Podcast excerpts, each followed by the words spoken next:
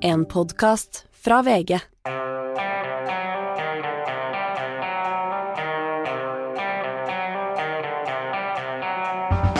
Ikke visste jeg at alle disse dagene som kom og gikk, de var selve uke 23.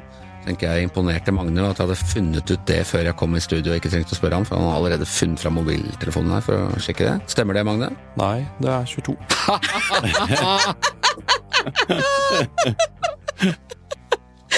Oi, oi, oi, der fikk du den, Jemmer. Nei, eh, i og med at vi måtte ta med Ta med alt det forrige uke, Hanne, så må vi vel ta med denne ydmykelsen. Absolutt. jeg. Noe annet vil jeg protestere sterkt mot. Ja da, ja da, ja da. Jeg sa det med vilje. Jeg mista for Det vilje for å få til en morsom åpning. Jeg gjorde det, tenk. Jeg gjorde det, jeg tenk. snakke Jeg mer så ansiktet ditt, Jeg ja, jeg vil ikke snakke mer om det. Jeg gjorde det for å være morsom. Uh, ok. Eh, velkommen tilbake, Hanne. Du har jo vært eh, brukt hele uke 22 nesten i eh, Kirkenes, var det det? Ja. Kirkenes. Ja. Og langs grensa. Ja, i, sammen med ledelsen i Verdensgang. Ja. Hvorfor drar dere til Kirkenes? Eh, vi trenger å, å se mer av Norge. Eh, og Kirkenes, akkurat nå med krig i Ukraina i forhold til Russland, er jo kanskje det mest spennende stedet du kan være akkurat nå i Norge. Ja. Kunne dere se Russland derfra, akkurat som Sarah Palin så Russland? Absolutt. Vi var oppe i et sånt eh, grensetårn og så over eh, til Nikkel. Ja, Så det skummelt ut? Nei, men Det er jo ganske fraflyttet. De har lagt ned fabrikken der, så det er mye mindre forurensning. Men du ser jo hvordan svovel og sånn har bare ødelagt alt av skoger og sånn rundt, og folk flytter derfra. Nå er det visst veldig stort sett bare gamlinger igjen der. Ja. Ja. Ganske trist, egentlig. Ja, altså i Nikkel, da. I Nikkel, ja. Ja, I min tid så var det jo veldig mange som hadde vært eh, som eh, hadde militærtjeneste og var eh, i Finnmark og gikk på grensen og fortalte og så over og, og sånne ting. Og det har det jo vært mindre av, men nå er jo det på vei tilbake igjen. Ja, de har jo styrka veldig eh, våre krefter der oppe. Ja. Men så har jeg også hatt inntrykk av eh, at eh, det er jo den delen av landet hvor man eh, har sett med mest positive øyne på russerne, rett og slett fordi man kjenner dem som eh, mennesker og personer og handelspartnere og, og eh, i det hele tatt. Så der har man liksom også hatt eh, en viss vanskelighet med den demoniseringen som nå, nå foregår av Russland. Ja, det er en veldig sorg, opplever jeg, i samfunnet i Kirkenes over det som har skjedd. Og, og, og også et ganske splitta samfunn, selv om de prøver å holde det sammen. Det er klart det er russer bor der, har bodd der lenge, ukrainere bor der, både flyktninger og andre. Eh, Det er et veldig sammensatt eh, sted, og utenfor konsulatet til Russlands konsulat så er det jo demonstrasjoner med ukrainske flagg, ikke sant. Og de snakka mye om det at de har fått til ganske bra, er mitt inntrykk, eh, forhold mellom barna. ikke sant? De går i samme klasse, ukrainske flyktningbarn og russiske barn. Russiske navn på skilter og sånn. Ja, ja, ja. Men det er nok mindre hva skal si, Russlands romantikk, eller hva skal jeg kalle det nå, enn det var tidligere. Ja. Sånn at, men det er fortsatt folk der som syns at vi er for, sanksjonene er for strenge og ønsker å ha mer åpenhet. Er det ikke et sånn Sindre, sånn gammel som man sier i, i, blant liberalister og, og sånn at to land som driver med handel har aldri gått i krig mot hverandre, eller eh, et eller annet sånt ting? Jo, jo, jo, og, og, og, og særlig da hvis begge er eh, ja, demokratier samtidig. Ja, to demokratier. så- Ja, men, men det har jo vært veldig bra, og det var veldig bra for Sørøst-Asia i tiden etter andre verdenskrig, for, eksempel, for å bygge ned masse spenninger. Så det er jo som regel veldig bra, og folk-til-folk-samarbeid, som det har vært veldig mye av i, i nord, eh, er jo utrolig bra for, for, eh, for forholdet generelt. Men det er jo helt nye og rare tider nå. Eh, Og det har jo skjedd veldig mye i det siste også, som får stor påvirkning for hele ja, Nato-alliansen også. Eh, tenker Det er ikke tilfeldig heller at vi da får en amerikansk diplomat igjen i Tromsø, tilbake dit. Eh, vi har dette hangarskipet på vei eh, nordover. Jeg hørte nylig på en podkast med en eh, tidligere amerikansk presidentrådgiver. Hun mente at noe av det viktigste som har skjedd eh, det siste drøye året, er eh, kuttingen av internettkabler utenfor Svalbard som har enorm sånn geostrategisk betydning. Så, og alle de største maktene i verden, Kina, eh, USA, men også Russland selvfølgelig, er jo veldig opptatt av nordområdene også, med, med isfrie muligheter snart. Eh, Ja, hele den, det de kaller den nye Silkeveien fra, fra Kina har jo erklært seg selv som sånn eh, arktisk stat, Ja. arktisk stat og, og dermed interesser oppe i, i eh, hele, altså gjennom Russland, og, eller eh, forbi Russland og over til Svalbard. og sånn. Ikke sant? Og de kan jo kappe mange mange seilingsdøgn, kineserne, hvis de sender containerskipene sine dit, og la oss si de går i land i Nord-Norge et sted. da. Ja. Nei, altså Hanne, og dette er jo paradoksalt. Den Denne økte spenningen er ikke bra på noen som helst måte, men for deler av Nord-Norge så betyr det altså at Forsvaret kommer tilbake eh, i sterkt monn. Det vil også trekke med seg alle mulige andre eh, funksjoner, og mye av den fraflyttingen man har fryktet, vil antagelig stoppe opp. Kanskje, men det er jo, de mister jo også veldig mye handel med Russland. De mister veldig mye kontakt med Russland. Og Forsvaret, det klaget de på at Forsvaret lever ganske isolert der oppe. De ønsker, Både Forsvaret egentlig og kirkenesamfunnet ønsker at, at Forsvarets folk skal bo mer inn i byen, bli mer en del av lokalsamfunnet, for det er mer avsondret enn det var tidligere. Så jeg tror at de er hardere rammet, at det er mer ulemper enn fordeler for dem. Og så er det interessant, syns jeg, at Norge har et, både Norge og Kirkenes har et veldig annerledes forhold til Russland også nå enn Finland, som også er grense. Finland dro ned bommen med en gang på Storskog under flyktningkrisa i 2015. Norge lot den stå oppe lenge. Vi har på Storskog, hvor vi også var, så er jo grensa fortsatt åpen. Eneste grensa i Schengen som er åpen for turister begge veier. Finland har stengt alt. Ja. Sånn at det er Kommer det noen over syklene? Over ikke syklene, men det kommer folk over. Og folk som også skal til type på ferie til Spania eller Frankrike, russere som har visum, og som da kommer over Storskog, for det er der de kan komme inn. Så det er klart at vi har en, fortsatt en mer åpen holdning til Russland enn noe annet land. Og det syns jeg er interessant. Og, og også Kirkenesbeboerne er nok ikke sant, de vil ha åpen havn. Det er ikke liksom de som heier mest på, på sanksjonene. nei. Sånn at det er eh, si, mykere, og noen begrunner det med at jo, men vi har jo aldri vært invadert av, av Russland. Men veldig mange andre naboland har det, og vi burde kanskje lære av andre lands erfaringer også. Ja da, altså verdenshistorien viser at det er jo ikke noe garanti at fordi man ikke er blitt angrepet før, så kan man aldri bli det. men, men så er det vel altså Russland har nok å drive med nå. Angripe Norge står neppe høyest på agendaen. Vi har altså, mens eh, dere var borte, vi snakket jo om Gerald Ford eh, i, i eh, forrige uke. Den har jo forlatt eh, Oslo og dratt eh, nordover.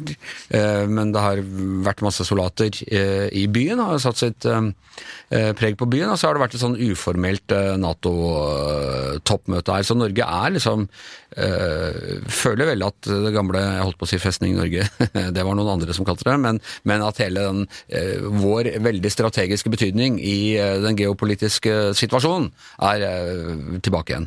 Absolutt som det var under kalde krigen. Det er klart Vi er grenseland til nord og til Russland, og hele havområdene vi har, ikke minst, som amerikanerne er veldig opptatt av, hele Atlanterhavet.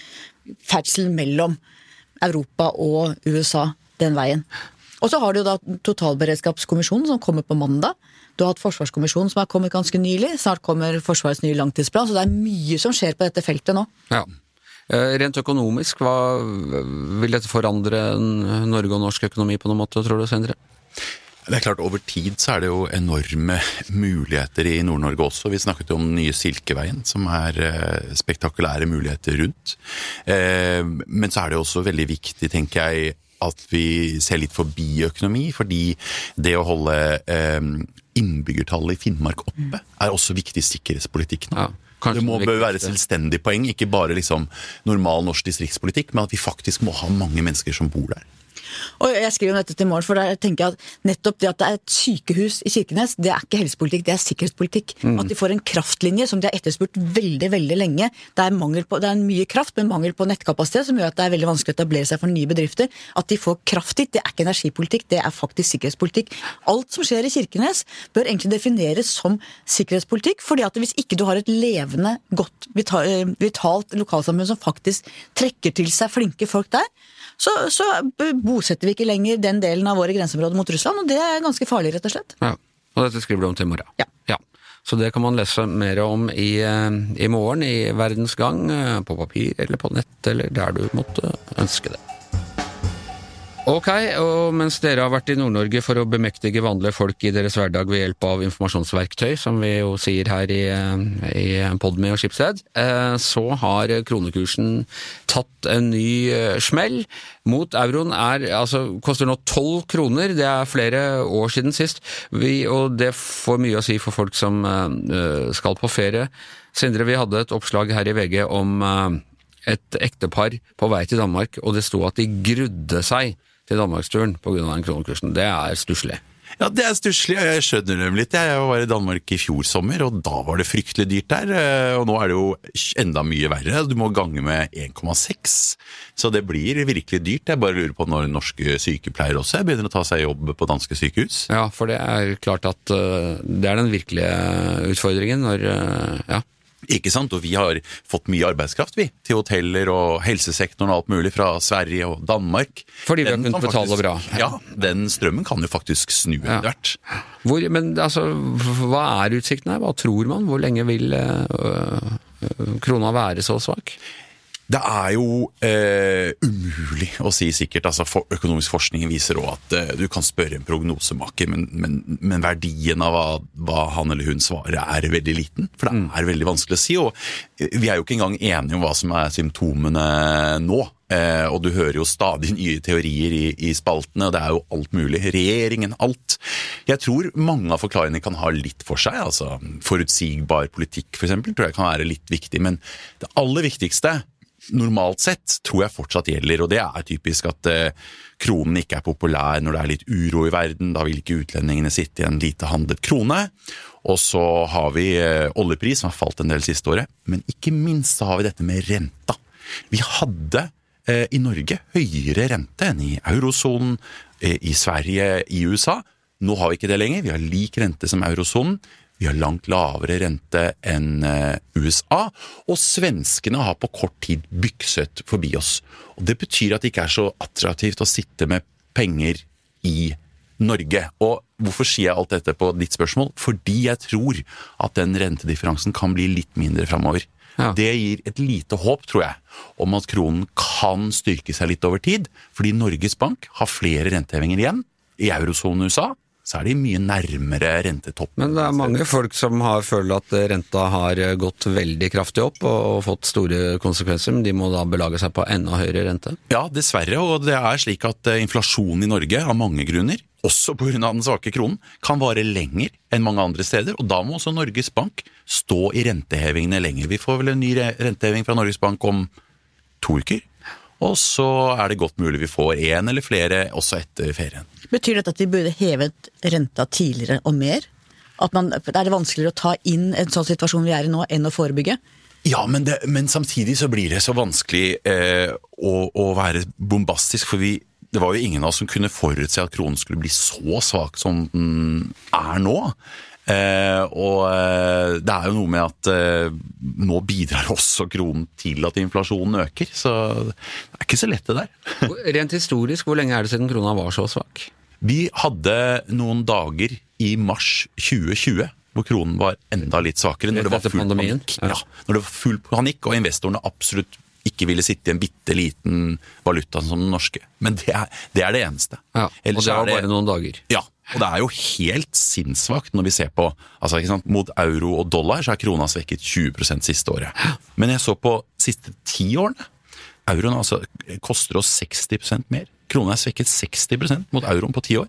Og 90 mot dollaren på ti år. Så dette er en lang trend altså, hvor eh, det er litt mistillit i norsk økonomi, egentlig. Det, jeg syns liksom det er rart, Hanne. Det er jo, vi har jo olje, og vi er så veldrevet bra, vi scorer bra på alle demokratiindekser. og Fins det noe mer suveren valuta å investere i enn den gode norske krona?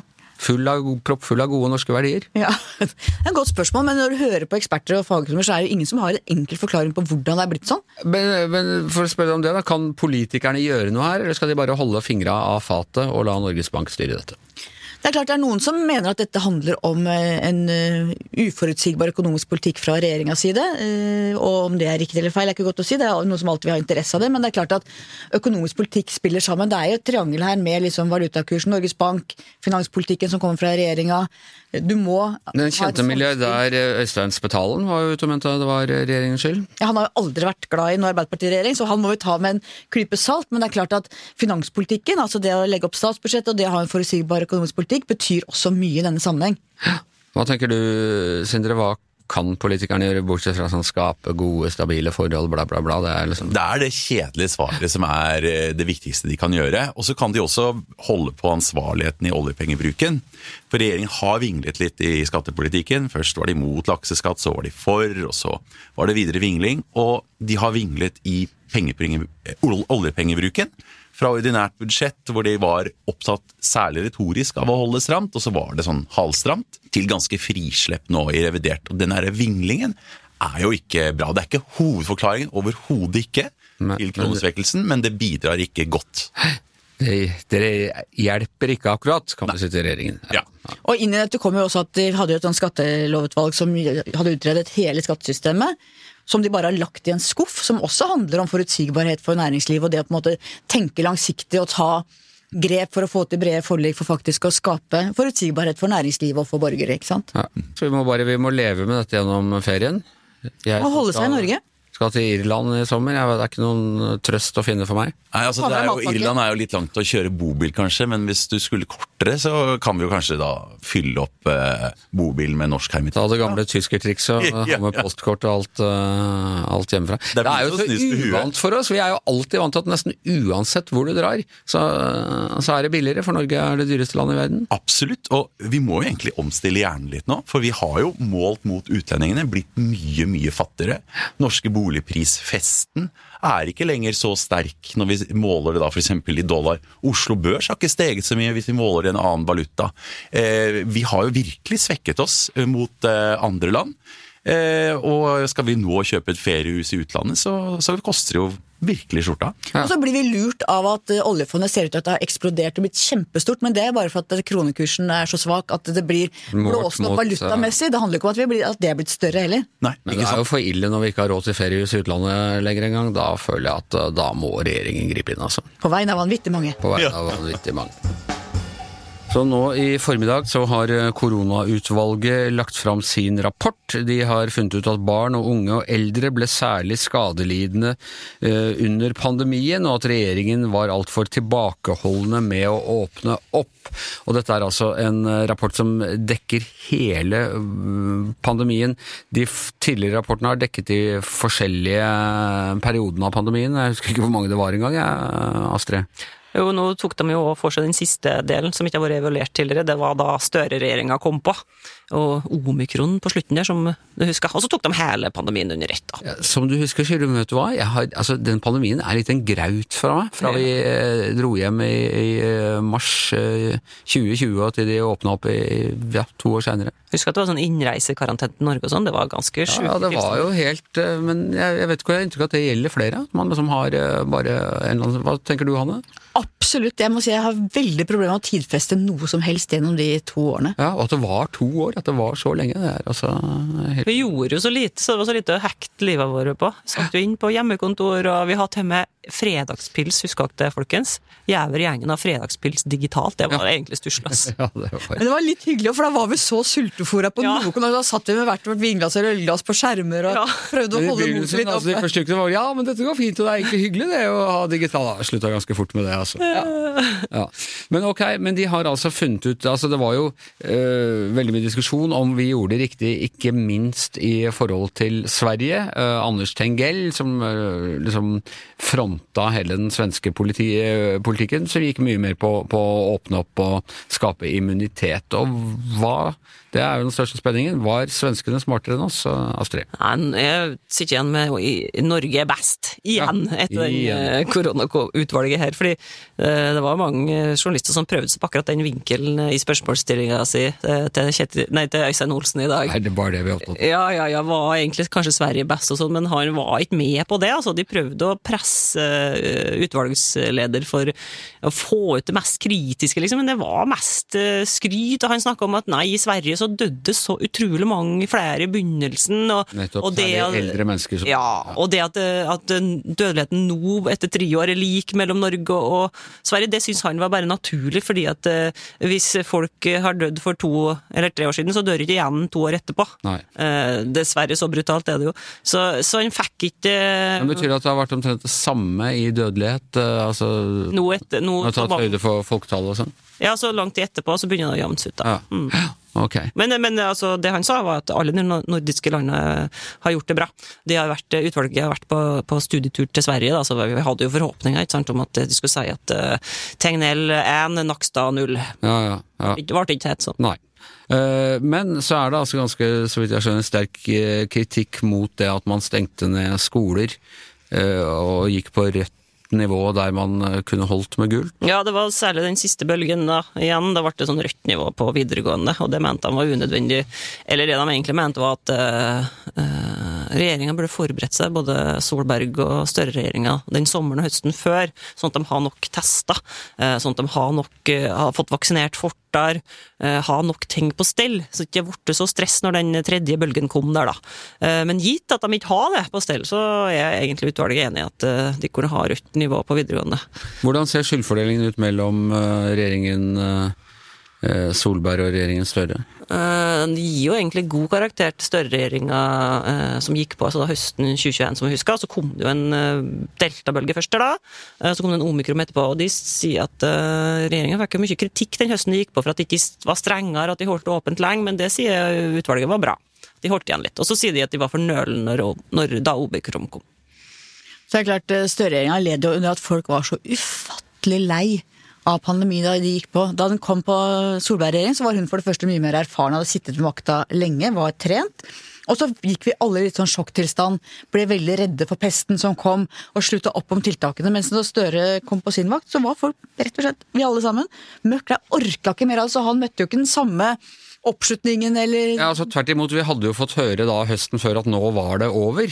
Ja. Eh, omtrent samtidig som de tiltrådte. De tiltrådte i en sånn lykkerus over at nå var korona over, og så måtte de altså etter noen måneder stenge ned igjen, de også. Også den uh, approval rating, hva heter det på norsk, da, altså populariteten til regjeringa Støre, den var jo knallhøy da det gikk på. Mm. Viser medborgerpanelet, altså de hadde bedre tall enn Erna noen gang hadde hatt. Men den, eh, den streken den går rett ned, altså. Det ble så upopulær så fort, den regjeringa.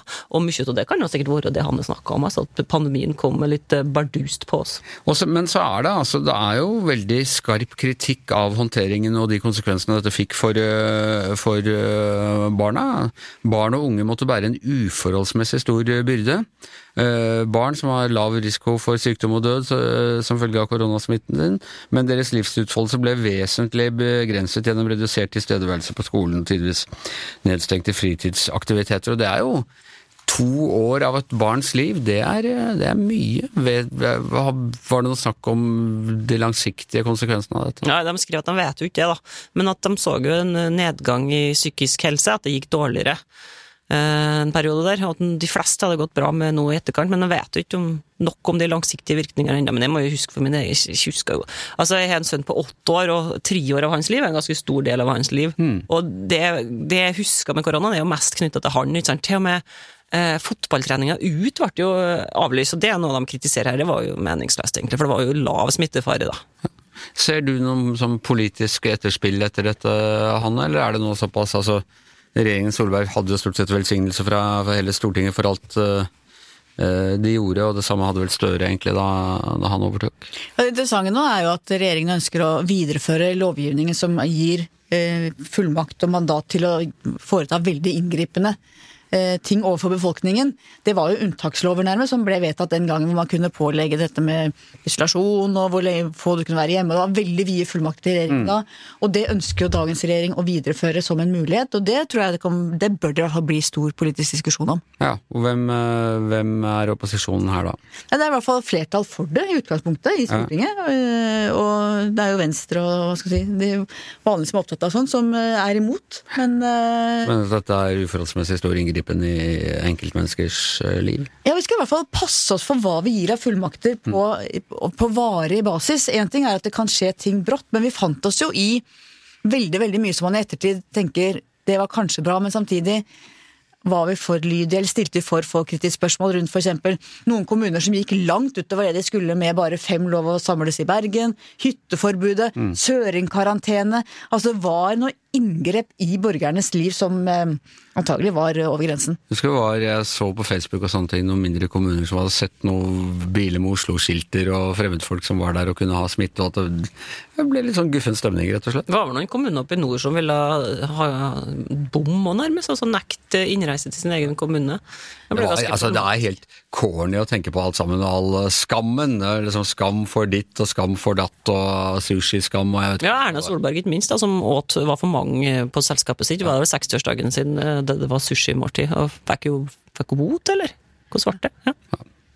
Ja. Og det er klart Folk blir jo redde, og du ser jo damer i butikken som går løs på andre og sier 'hvorfor har du ikke maske', eller 'hvorfor gjør du ikke Mm. sånn', eller Vi veit jo at pest og eh, pandemi sår mistro blant folk, og vi klarte jo i stor, stor grad å komme oss unna det, antagelig fordi vi har så mye penger og kunne liksom eh, utjevne mange av problemene, men det er, det, er mye grobunn til mistro og dårlig stemning i en eh, stor pandemi. Og som du sier, er viktig å huske på, altså, i mange andre land så hadde det enda større konsekvenser. Og det, altså, de bildene fra, fra USA og New York, og vi var jo der begge sånn på, eh, på tampen av det første året med pandemi, og det var jo virkelig eh, skremmende bilder man, eh, man så der. Altså.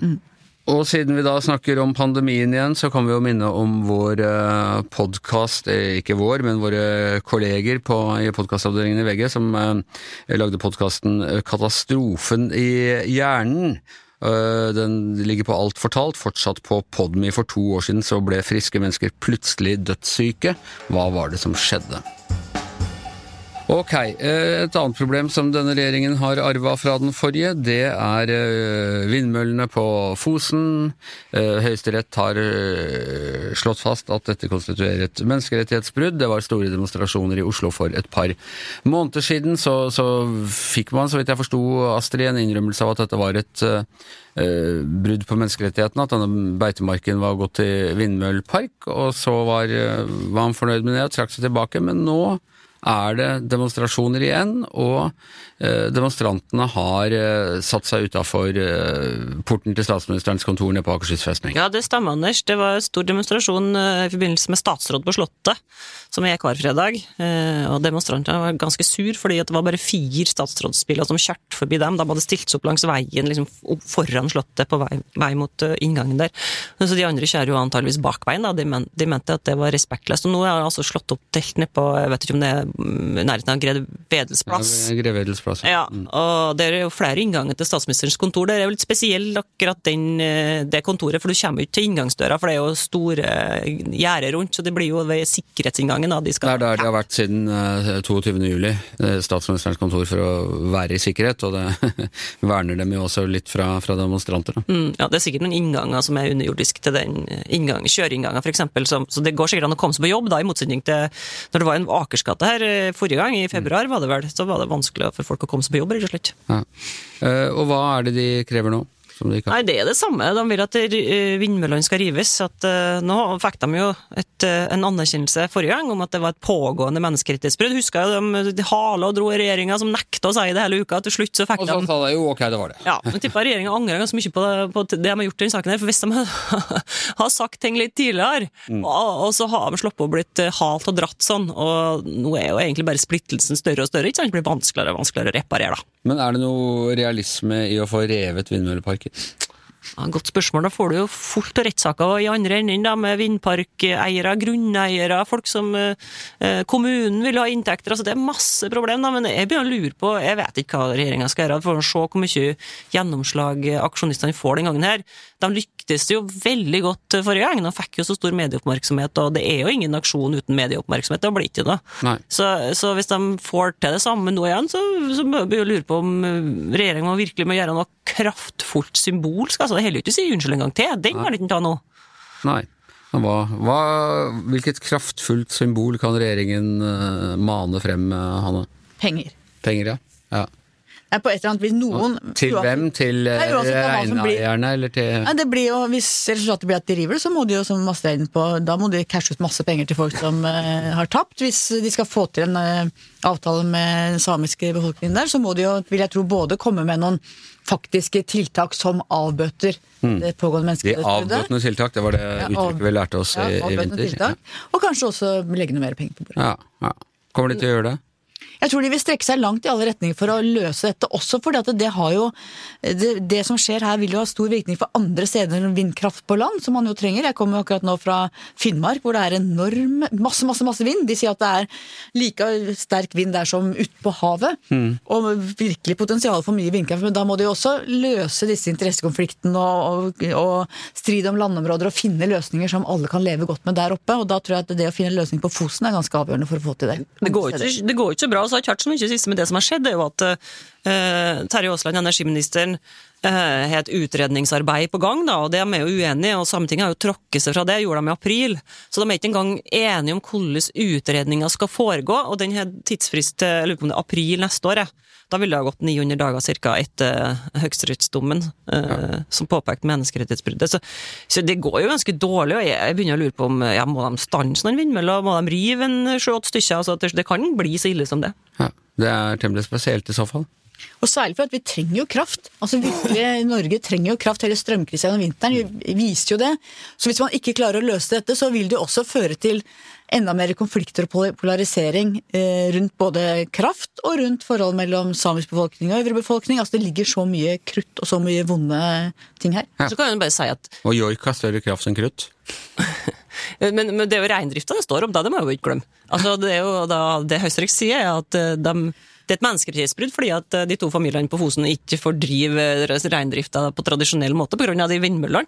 Eh, Men akkurat nå så er det jo sommer, og de områdene der vindmøllene står som er bestridt, omstridt, det er jo vinterbeite. Så sånn sett så kan du jo si at hvis de løser det til vinteren, da, hvis det da skal brukes som vinterbeite, så kan jo regjeringa argumentere for at de har litt tid, kanskje.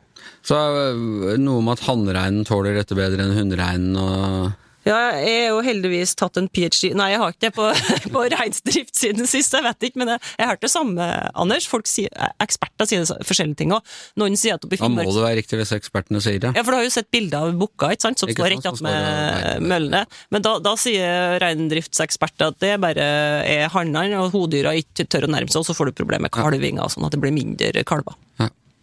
Ok, eh, det er en situasjon under utvikling, og jeg hørte regjeringen sa, eller kanskje det var politiet, at de fulgte situasjonen nøye. Og det er jo i, helt i regjeringens ånd. Så eh, skal vi ta en eh, liten presisering her. Forrige fredag så snakket vi om om eh, sykling i Oslo og alle sykkeltraseene og eh, problemene med å nå målet for sykling i eh, hovedstaden. Eh, etter det så er jeg blitt gjort oppmerksom på at det har kommet en ny undersøkelse enn den eh, vi refererte til. Den undersøkelsen har altså blitt kjent etter at vi snakket om det, men det er reisevaneundersøkelsen for 2022, og den eh, viser tallene fra Opinion og Statens vegvesen som sier at sykkel utgjorde 9 av reisene i Oslo-trafikken i 2022 mot 7% i 2021. Så det er altså en bedring på 2% men fortsatt et stykke unna målet på 25 da, Hanne. Ja, og, og så er det to ulike undersøkelser der som gjør at du kan ikke helt sammenligne de tallene. Nei, men nå sammenlignet jeg bare tallene fra denne reisevaneundersøkelsen, og de er altså da 7% i eh, 2021 og 9% i 2022. Så det er en bedring på 2% 1% i året. 1% i år. Ja. Er og da er det 23 år igjen, så er vi eh, ved full måloppnåelse. Ja, Hanne, da går det mot slutten. Hva eh, du, vi har snakket om hva du skriver til i morgen, men har du podkastgjest, eller har de sluppet, unnsluppet deg denne uka, altså? Jeg har podkastgjest. Ja. Jeg har snakket med politimesteren i eh, Finnmark. Ok? Ellen Katrine Hetta. Veldig kul og tøff dame, som er ganske røff i forhold til eh, Russland. Ganske Og du har snakket med henne mens du var Mens jeg var i oppe ja, ja. ja. Så det syns jeg ble en fin prat. Alt gikk bra med teknikken og sånn? Ja, men jeg var så nervøs. Anders. Jeg, var, jeg hadde ikke med Magne, så jeg satt der med den der opptakeren i midten, og så hadde vi hver vår sånn eh, mikk på brystet, og jeg satt og prøvde å følge med på er det riktig lyd, er det ikke, så jeg var litt nervøs. Med Jeg husker en gang du og jeg var og da, da Erna Solberg fortsatt var statsminister, vi var på hennes kontor, og da hadde jeg klart å mikse opp, men så hadde jeg som backup lagt mobilen foran henne nå, så den hadde tatt opp uh, lyden fra henne. Men det er, det er utrolig hvor lett det er å fucke opp en sånn ting. Ja, jeg husker en gang hvor jeg var i USA og hadde fått snakke med bestevenninnen til Hillary Clinton. Da hadde jeg glemt å trykke på rekk oppdaga etter fem minutter. Og det tok hun pent, så vi måtte begynne på nytt. Men det var veldig flaut. Ja. Eh, ja, sånn går det hvis vi ikke har med oss Magne. Ja. Eh, men den blir altså tilgjengelig nå eh, i løpet av helgen, så den kan dere også høre på. Minne igjen også om Alt fortalt, spesialpodkasten Katastrofehjernen.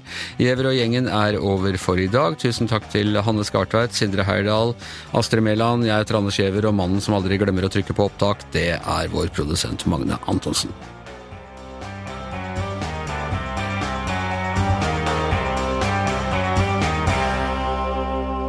Du har hørt en podkast fra VG. Ansvarlig redaktør, Gard Steiro.